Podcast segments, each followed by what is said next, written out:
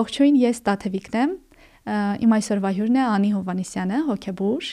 Ողջույն, շնորհակալ եմ հրավերի համար, Տաթև ջան։ Ինչպես ասում են, առողջ մարմնում առողջ հոգի, ու նույնն էլ երևի ձեր դեպքում հակառակը, առողջ հոգում, առողջ մարմին։ Փոխկապակցված են կարծում եմ, սենց տարանջատել չի լինի։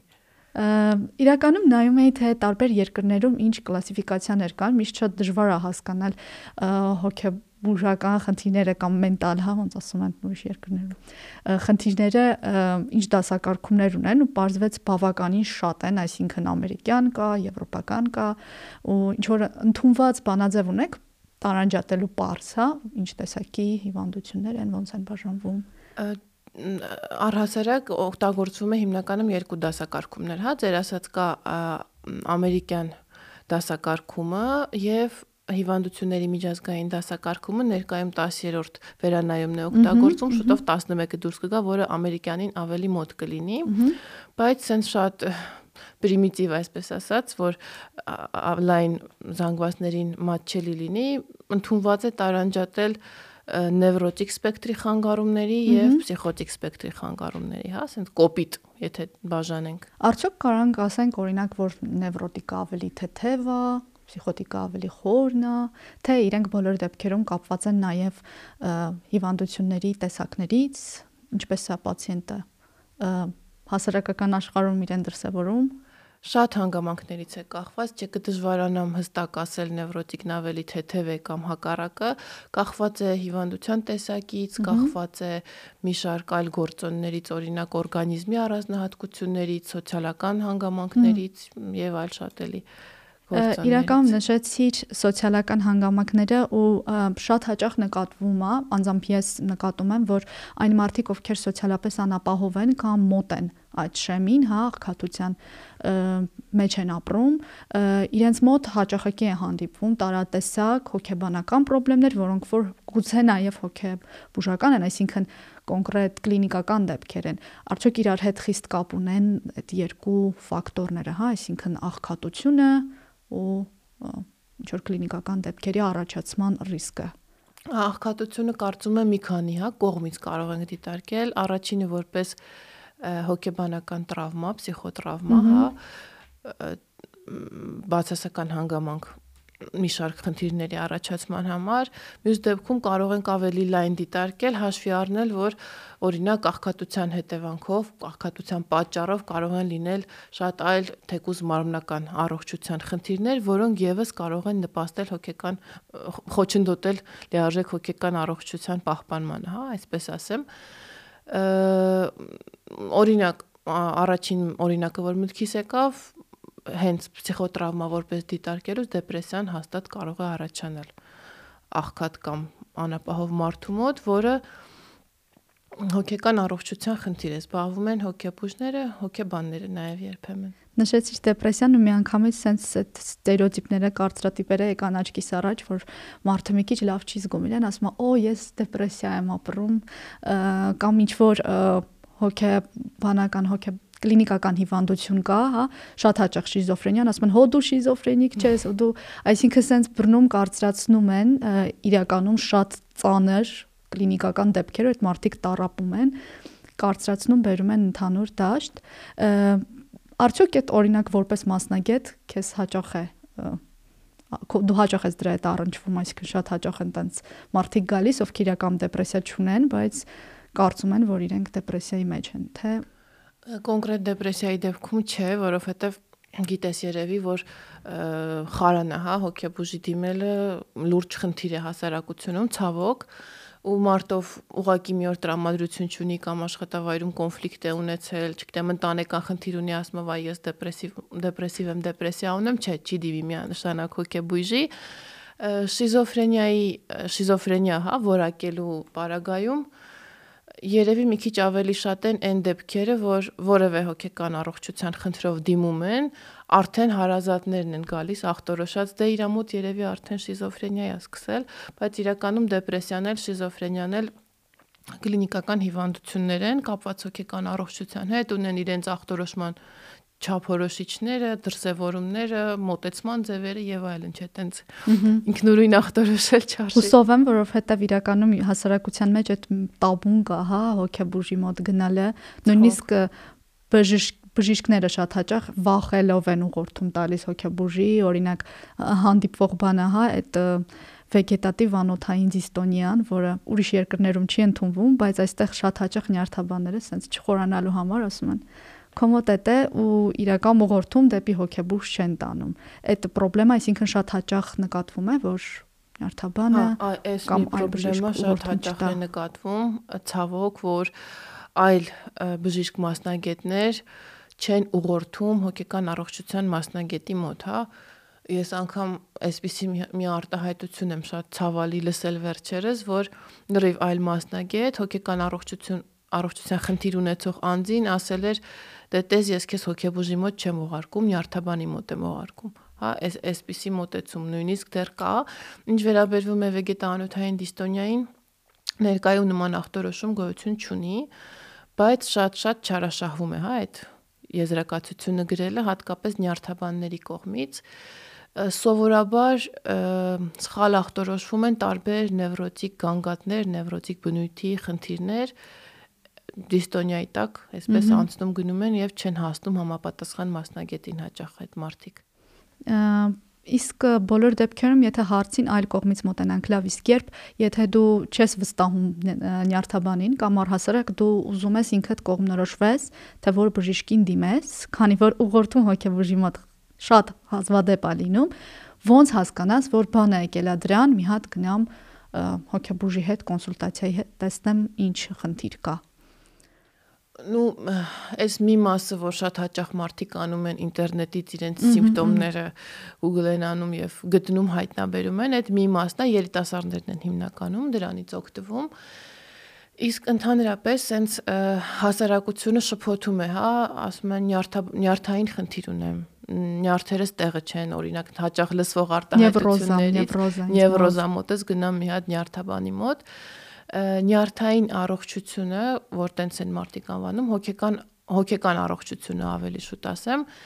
զբաղվում են հոգեկան առողջությամբ, հոգեկան առողջության մասնագետները, հոգեբուժները, հոգեթերապևտները եւ հոգեբանները նյարդաբանները զբաղվում են նյարդային համակարգի օրգանական մասով, հա,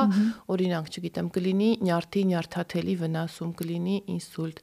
կլինի պարեզներ, պարալիչներ, խնդիրներ, որոնք ունեն օրգանական պատճառ, հա, ինչ որ միտեղ նյարդային հյուսվածքը վնասվել է այն բոլոր դրսևորումները, որոնք կապված են մեր հոգեկանի հետ, ասենց բարձ որ ավելի լինի, թվարկեմ, հա, մի քանիսը։ Տագնապը, տրամադրության տատանումները, գնի խանգարումները, որոշ երբեմն լինում են անգամ մարմնական որոշ դրսևորումներ, չգիտեմ, ցավ, ծակծկոց, շնչահեղձության զգացողություն, որոնք օրգանական պատճառ չունեն եւ չեն հայտնաբերվում։ Որպես կանոն առաջինը մարմնական մասնագետի մոտ են գնում այ այդ բոլոր դրսևորումները կապված են հոգեկան առողջության հետ եւ անմիջապես պետք է ազդանշան լինեն դիմել հոգեկան առողջության մասնագետի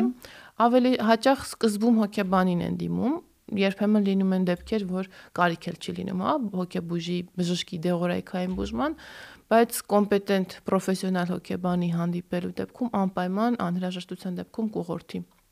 նաև հոգեբուժի մոտ տենց մի բլոգեր կար որ նայում էի ինքը խնդիր ուներ տագնապային խանգարում էր իր մոտ այլ շուտ հենց հայրեն երևի խոճապի խանգարում, panic disorder։ Ինքը դրա մասին չգիտեր, իր մոտ անընդհատ սիրտն էր ցավում ու ինքը դրանից ավելի մեջ էր ավելի մեծ էր խոճապի մեջ ընկնում, ասում էր իբր սրտի խնդիր ունեմ, հաստատ ոչ մեկ չեն կարող համախտորոշեն, անընդհատ գնում էր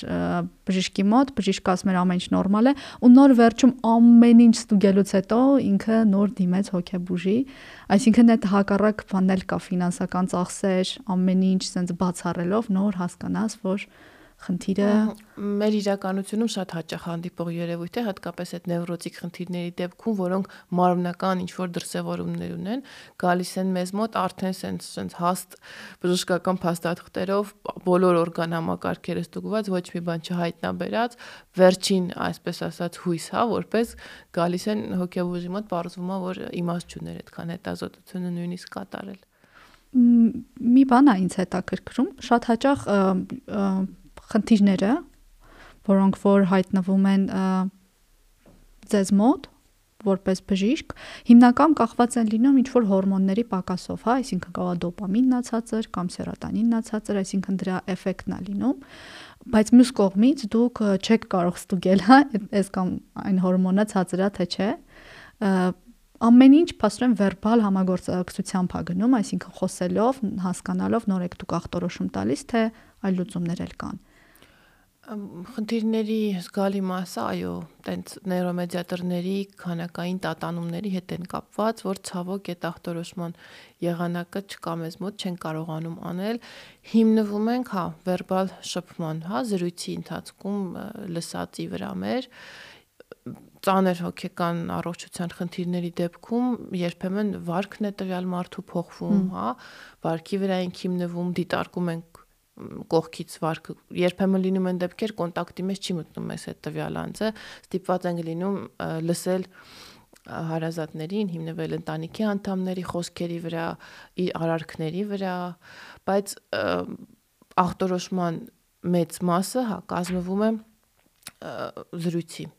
հիմնվելով զրույցի վրա երբեմն անհրաժեշտություն է լինում ինչ որ խնդիրներ ավելի շատ ավելի շուտ բացառելու համար ուղարկել տարբեր գործիքային հետազոտությունների սովորաբար նյարդաբանական խնդիրները օրինակ գլխուղեղում եղած փոփոխությունները բացառելու նպատակով կամ հայտնաբերելու նպատակով հասկանալի է այսինքն միակ ոնց որ գործիքը դա ճիշտ հասկանալն է ինչ է կատարվում այդ մարդու հետ բայց շատ հաճախ կարող է այդ մարդն էլ չհասկանա չէ իր հետ ինչ է կատարվում այդ դեպքում շատ հաճախ, այո, հա, իհարկե մարդը եկել է, չգիտի նույնիսկ ինչ ինչը ասի, ինչը չասի, հա։ Նու այդ դեպքում այդ ժամանակ արդեն մասնագիտական որոշ հմտություններ են առաջ գալիս, ուղղորդող հարցեր, օրինակներ, արտաքին տեսք տվյալ մարդու, հա, պատմություն, խնդրի եւ այլն։ Ահա Կա առանձին այդ դասակարգումները, երբ որ ես թերթում եի, առանձին նաև տեսա, որ հիվանդությունների շարք, այսինքն խանգարումների շարք կա կախված կախվածությունների, օրինակ ալկոհոլի կամ ավելի ծանր թմրանյութերի եւ նույնիսկ խաղամոլության, հա, այսինքն այդ ամեն ինչը արդիական է, իսկ ինչ բուժում է տրվում այդ դեպքերում մեր երկրում Հայաստանում կախվածություններով զբաղվում են ոչ թե հոգեբույժները, այլ նարկոլոգները։ Շատ երկրներում եվրոպական օրինակ եւ այլ նարկոլոգիան ներառված է հոգեբուժության մեջ ու կարծում եմ այդպես պետք է լիներ մեզ մոտ էլ, բայց առանձին է։ Ըստ ընդունված օրենքի Հայաստանում բուժում կարելի է իրականացնել եւ արդյունավետություն մենք որոշակի կարող ենք ապահովել կախվածության դեպքում, եթե տվյալ մարդու կողմից կա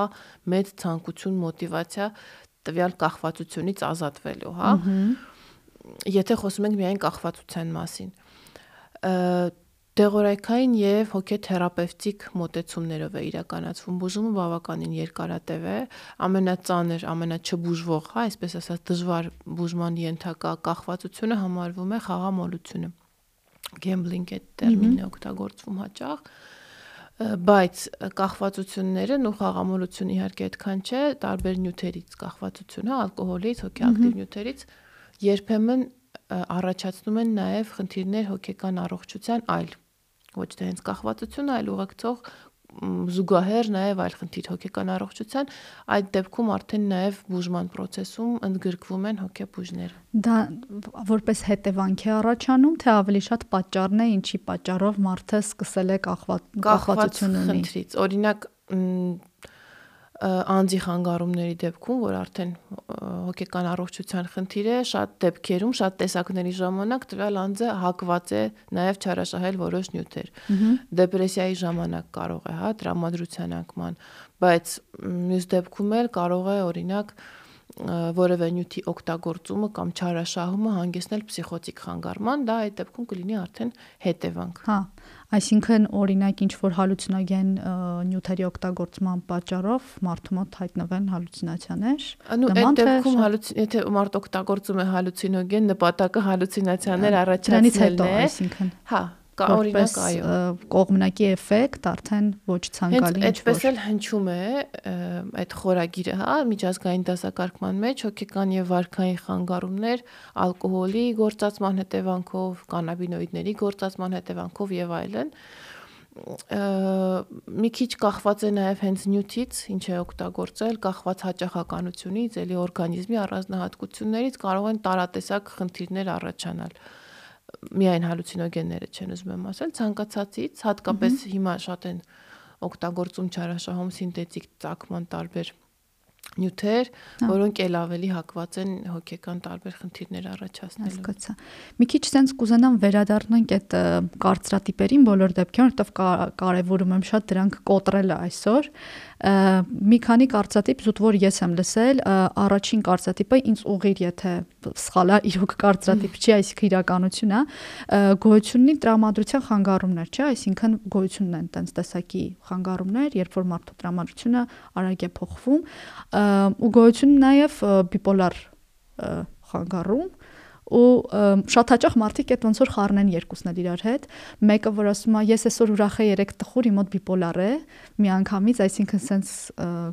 կարծրացնում է այդ իրականում բիպոլարը երկու ինչ որ ֆազաներով է չէ տարբերվում այսինքն ինքը ավելի երկար փոփոխության մասին է խոսքը գնում մի քիչ դա կա մեկնաբանես իհարկե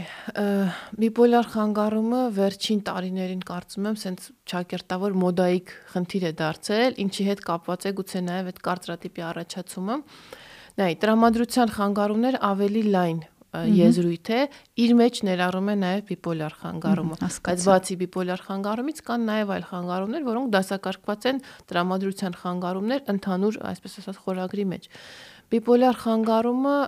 այո, չի վերաբերվում օրվա մեջ մի քանի անգամ տրամադրություն փոխելուն։ Դա նույնիսկ լավ է, չէ՞, երևի օրվա մեջ մի քանի բան զգալ։ Նայած երևի ում մոտ։ Հա վերաբերվում է իհարկե ավելի տևական փոփոխություններին եւ չի վերաբերվում հա ուղակի բարձր տրամադրություն կամ չգիտեմ ինչ-որ խնդիր ունեմ ցածր տրամադրություն ունենալուն, այլ վերաբերվում է կոնկրետ դեպրեսիվ վիճակին իր բոլոր կրիտերիաներով, հեսա կտնշեմ, եւ իրեն հակառակ դեպրեսիային հակառակ մենք անվանում ենք մանիակալ վիճակ, մանիակալ վիճակին, որը դրսևորվում է հակառակա բայց նույն վախենալու մանիակալը չի, չէ։ Հա, չէ, մանիակ բառի հետ կապ չունի։ են մանիակալ բառը միանգամից մտածում եմ, սա կհարցակվի մարդկանց վրա։ Չէ, չէ, ընդհանրապես կապ չունի, անգլերեն manic այդպես է հնչում, մի քիչ ավելի երևի փափուկ է։ Հա արտահայտվում է ախտաբանորեն բարձր տրամադրությամբ, գերակտիվությամբ, բոլորին օգնելու պատրաստակամությամբ, հակումների ակտիվացմամբ, շարժողական ակտիվությամբ, հա, այդ այդ փուլում, այդ մանիակալ փուլում մարդիկ զգում են, որ ամեն ինչ կարող են, միաժամանակ կարող են մի քանի գործողություն անել, ուրախ են մշտապես, պատրաստ են շատերի հետ շփվել, օգնել, խոսել եւ այլն, բայց ախտաբանություն է, այսինքն ուղակի լավ տրամադրությունը երբևէ երբեք ոչ մի կերպ չի հնարավոր չի հա շփոթել տիրապետելու դեպքում բիպոլար խանգարմանը եւ նույնը դեպրեսիվ վիճակին է վերաբերվում։ Այ ոնց որ նշեցի, տենց մի երկու օր տխուր լինելը չի խոսում այն մասին, որ կա դեպրեսիա։ Բիպոլար խանգարման ժամանակ չբուժման պարագայում յուրաքանչյուր փուլը մի քանի ամիս է տևում։ Ահա, հասկանալի։ Եթե adekvat բուժում չի ստանում։ Շատ լավ։ Ու մյուս Հայաստանում այդքան էլ տարածված չի, բայց օտար երկրներում շատ տարածված է այդ օբսեսիվ կոմպուլսիվ խանգարումներ, կարևոր են պերֆեկցիոնիզմի հետ, շատ մարդիկ ասում են դե ինքը հիվանդ է, ինքը ուզում է ամեն ինչ sense ուղիղ ճիշտ լինի, էսթետիկ լինի ու տեղից էլ հասկանում ես, որ այլ կարծրատիպ է էլի մարդկանց մոտ, ել չասեմ իրական նաև շիզոֆրենիայի նկատմամբ էլ է շատ մեծ կարծրատիպեր առաջացել առհասարակ որն է ասենց ճիշտ ճանապարհ է դա կարծրատիպեր կոտրելու երև ինչ որ բաներ պետք է մարդիկ կարդան թե պետք է ընդհանրապես չխառնվեն այդ դաշտ ինչ ես կարծում շատ-շատ կարևոր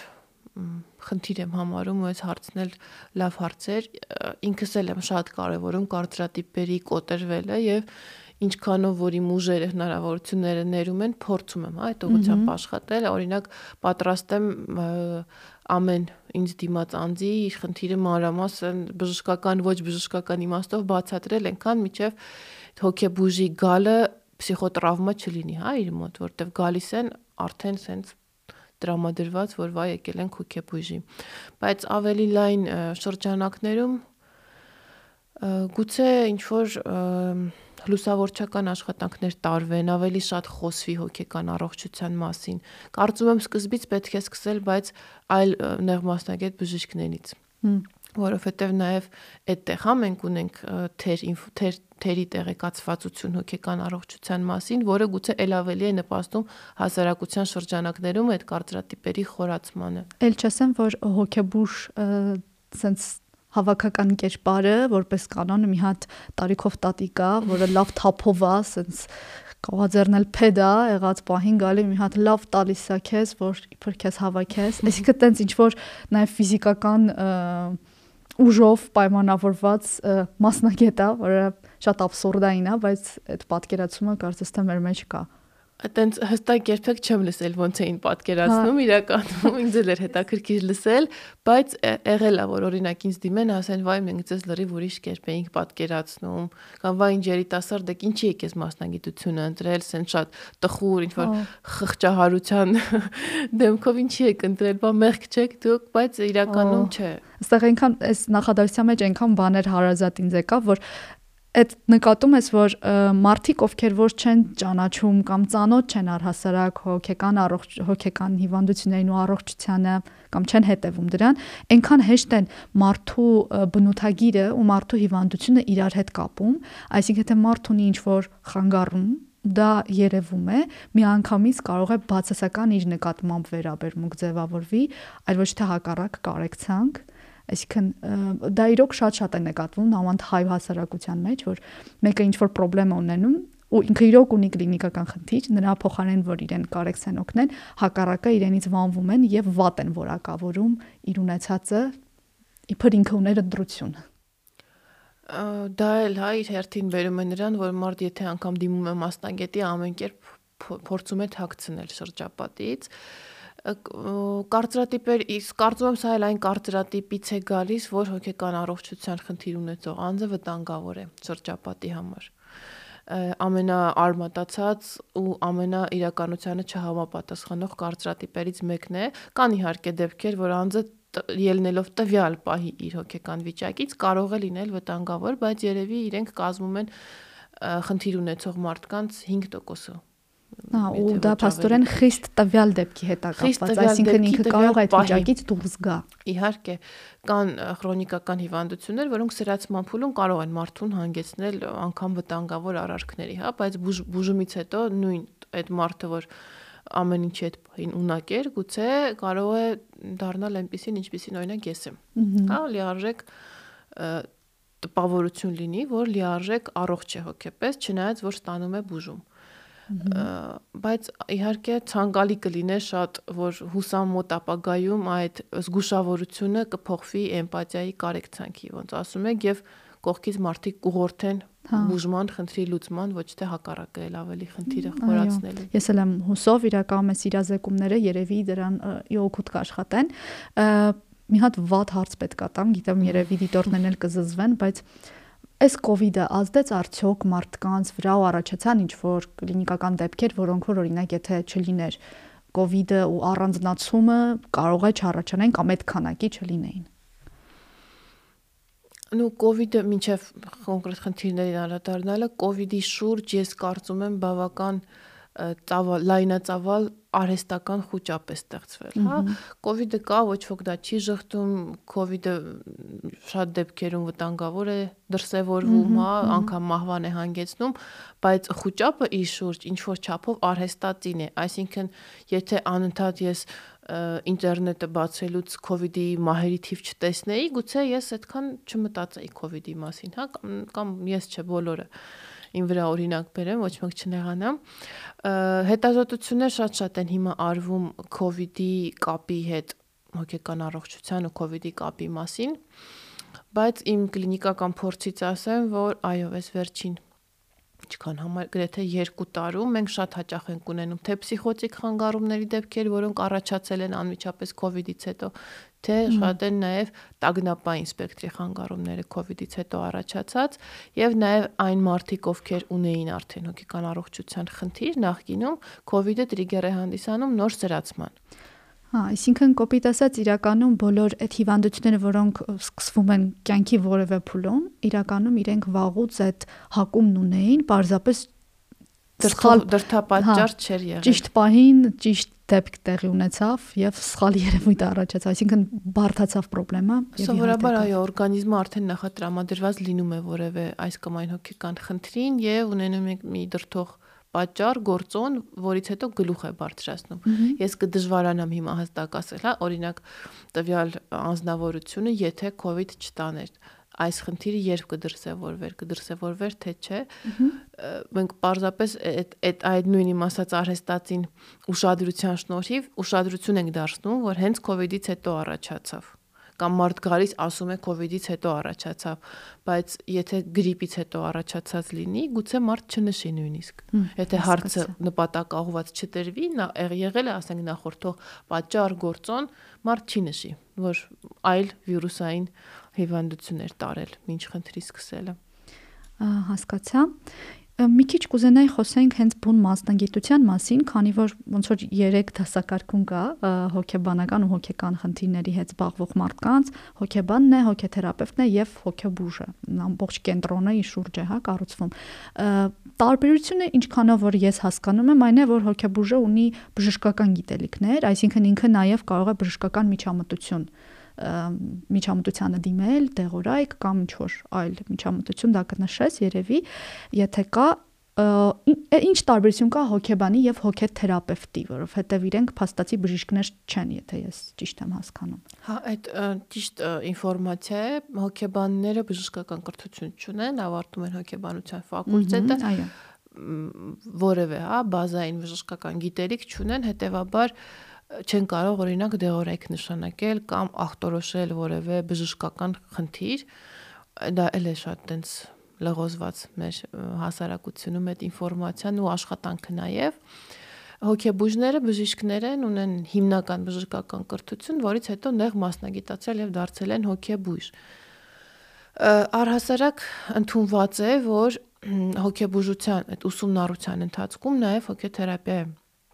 սովորում, հա, բժիշկը եւ հոգեթերապևտ է համարվում նաեւ դրսում ավելի լավ է կազմակերպված այդ գործընթացը, քան օրինակ մեզ մոտ բայց հիմա մեր օրերում կարող են նաև հոգեբանները վերապատրաստվել եւ անում են հոգեթերապիա, հա, սովորել, տիրապետել որոշ տեխնիկաների, մեթոդների եւ աշխատել որպես հոգեթերապևտ, սովորաբար կլինիկական հոգեբաններն են դիմում ու այսօր ունենք եւ հոգեթերապևտներ, ովքեր բժիշկներ են, ունենք հոգեթերապևտներ, ովքեր հոգեբաններ են իրենց առաջին կրթությամբ այսինքն հոգեբանները, հոգեբուժները կարող են լինել եւ հոգեթերապևտ եւ հենց բժշկական կլինիկական լուծումներ տվողներ։ Բժշկական համալսարանը ներկայում ունի նաև առանձին նեղ մասնագիտություն, մասնագիտացում հենց հոգեթերապիա մասնագիտությամբ։ Ներկայում այդպես է։ Հիմա այդ տխուր հարցը, որ ասացի, հարցնում են սենց կարեկցանքով, ինչի ընտրեցիր այդ մասնագիտությունը։ Ինձ հետաքրքրում է ավելի շատ որ պահը այդ այդ պահն եմ ուզում նկարագրես, որ զգացիր, որ այս իմն է, ուզում եմ սրա մեջ խորանամ, ոնց այդ պահը ստեղծվեց։ Այդ պահը ստեղծվել է այն ժամանակ, երբ ես ուսանող էի եւ անցնում էի հոգեբուժություն առարկան հոգեկան առողջության կենտրոններից մեկում, մինչ այդ անկեղծ եմ ասում, ոչ թե չէի ուզել լինել հոգեբուժ, այլ մտքովս չէր անցել։ Չէի դիտարկել, մոռացել էի, որ տենց մասնագիտություն էլ կա, հա այդ 3 շաբաթանոց կուրսեր, ցիկլեր հոգեբուժության շատ լավ եմ անցել շատ էր ինձ դուր գալիս, հա, այդ թե ոլորտը, թե գիտություն որպես մասնագիտություն ու այդ ժամանակ հասկացել եմ, որ երևի թե